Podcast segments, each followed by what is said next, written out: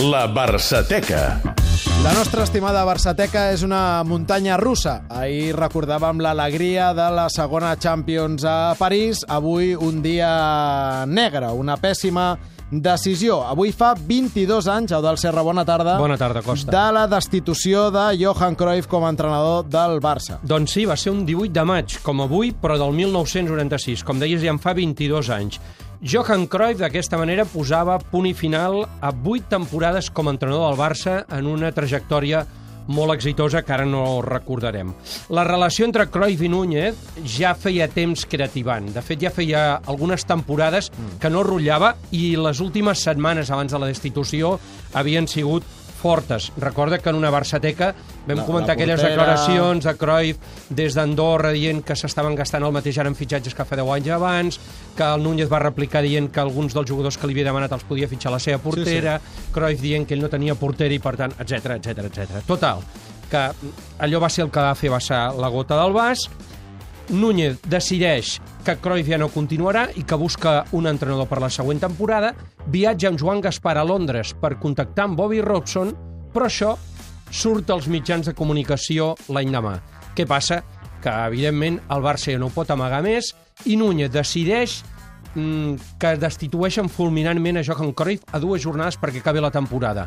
És més, li diu a Joan Gaspar que se'n vagi als vestidors del Camp Nou el dia abans d'un partit de Lliga contra el Celta i li comuniqui a Cruyff que l'any demà ja no seurà a la banqueta. Una reunió que, segons diuen, va ser més que polèmica i més que calenta i que ara en sentirem parlar. Van volar les cadires, es van esmentar els morts... Exacte, exacte. L'endemà, Núñez compareix davant dels mitjans de comunicació per donar detalls d'aquesta decisió d'haver fet fora Cruyff. Jo crec que és una de les conferències de premsa més històriques del Barça mm. i on realment eh, hi ha més detalls de tot tipus. Pensa que va durar l'espeig de Núñez més de 30 minuts sí, abans sí. de les preguntes. Supera de llarg la mítica assemblea del per favor, demano... Correcte. No, no, evidentment, els 30 Oh. minuts no els podem passar, perquè se n'ompliríem més de mig, mig programa, però sí que en fem algun extracte. Per exemple, com eren els constants conflictes entre Núñez i Cruyff, sobretot agreujats per la configuració de fitxatges de cara a la següent temporada, que va ser el detonant, era així. Jo podria comptar 200 fets com aquests, però que el Barcelona, la meva persona, ha intentat, eh, sapiguent que també el públic podia estar equivocat, o el soci, i que no era bo pues, que en aquells moments comentés fets com aquests, per exemple, era molt fàcil dir, escolti, un empleat es nega a reunir-se amb el president per comentar els problemes gravíssims, és motiu de cese.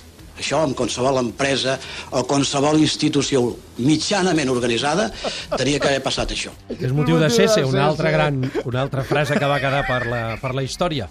Més frases d'aquella conferència que van passar a la història. Com dèiem, es havien reunit prèviament Núñez i Cruyff amb Gaspar diverses vegades per configurar la pròxima temporada, no es posaven d'acord amb els fitxatges, Núñez li deia que tenien lligats a Mijatovic i Zucker, bé, ell deia el iugoslau del València i el iugoslau del Sevilla, um, Cruyff, en canvi, no li acabaven de fer el pes, i va haver-hi fins i tot una reunió molt especial, tal com recorda Núñez, en aquesta negociació pels fitxatges. Ell em va dir que vam estar a casa meva, el va invitar a casa meva, en un, en un acte molt amable. Vam estar menjant allà uns petits sanguis i unes cerveses, i em va dir que em va tornar a ser reincident que tenia tot solucionat. Tot solucionat, i que, per tant, havia una sèrie de jugadors que no em preocupés, vaig convocar junta directiva, vaig defensar la continuïtat del Cruyff, a pesar de l'opinió majoritària dels directius, i van començar a treballar.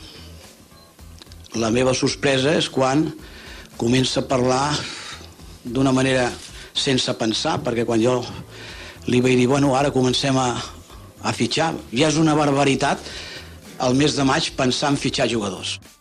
Més coses. Tu recordes aquella frase, el soci no se li pot enganyar? Sí, doncs bé, aquell dia no va ser ben bé textual així, però segons Núñez, Cruyff enganyava els socis del Barça. Queda molt clar.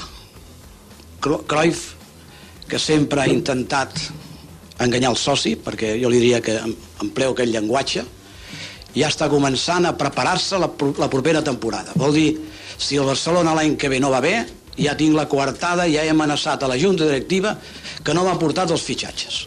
Allà van sortir moltes més coses, la situació del fill de Johan Cruyff, Jordi Cruyff, la del seu eh, gendre Mariano Angoi, mm. que era el segon porter del Barça, etc etc. Va anar la cosa tan, tan, tan, tan lluny que fins i tot Núñez va acabar reconeixent que dos anys abans, després de la final d'Atenes, ja l'haurien d'haver destituït a Cruyff.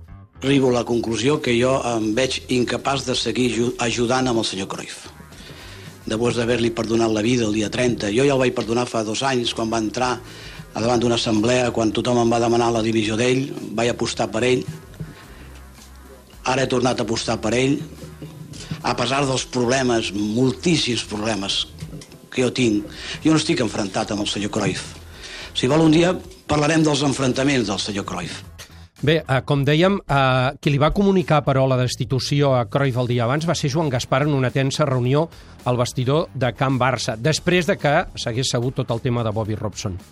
Núñez va voler donar detalls de com havia anat aquesta reunió, és un altre dels grans talls d'aquesta conferència de premsa. Parla amb tots els directius, avisa amb el Cruyff que l'any que ve no serà entrenador de Barcelona, però prepara't perquè tindràs molts problemes crec que va ser caòtic, insults, amenaces, els, hasta contra els difunts. Cadires, aixecant les cadires, felicito amb el Joan Gaspar perquè va tindre la valentia de no de ser respectuós i posar la cara i aquest és el fet.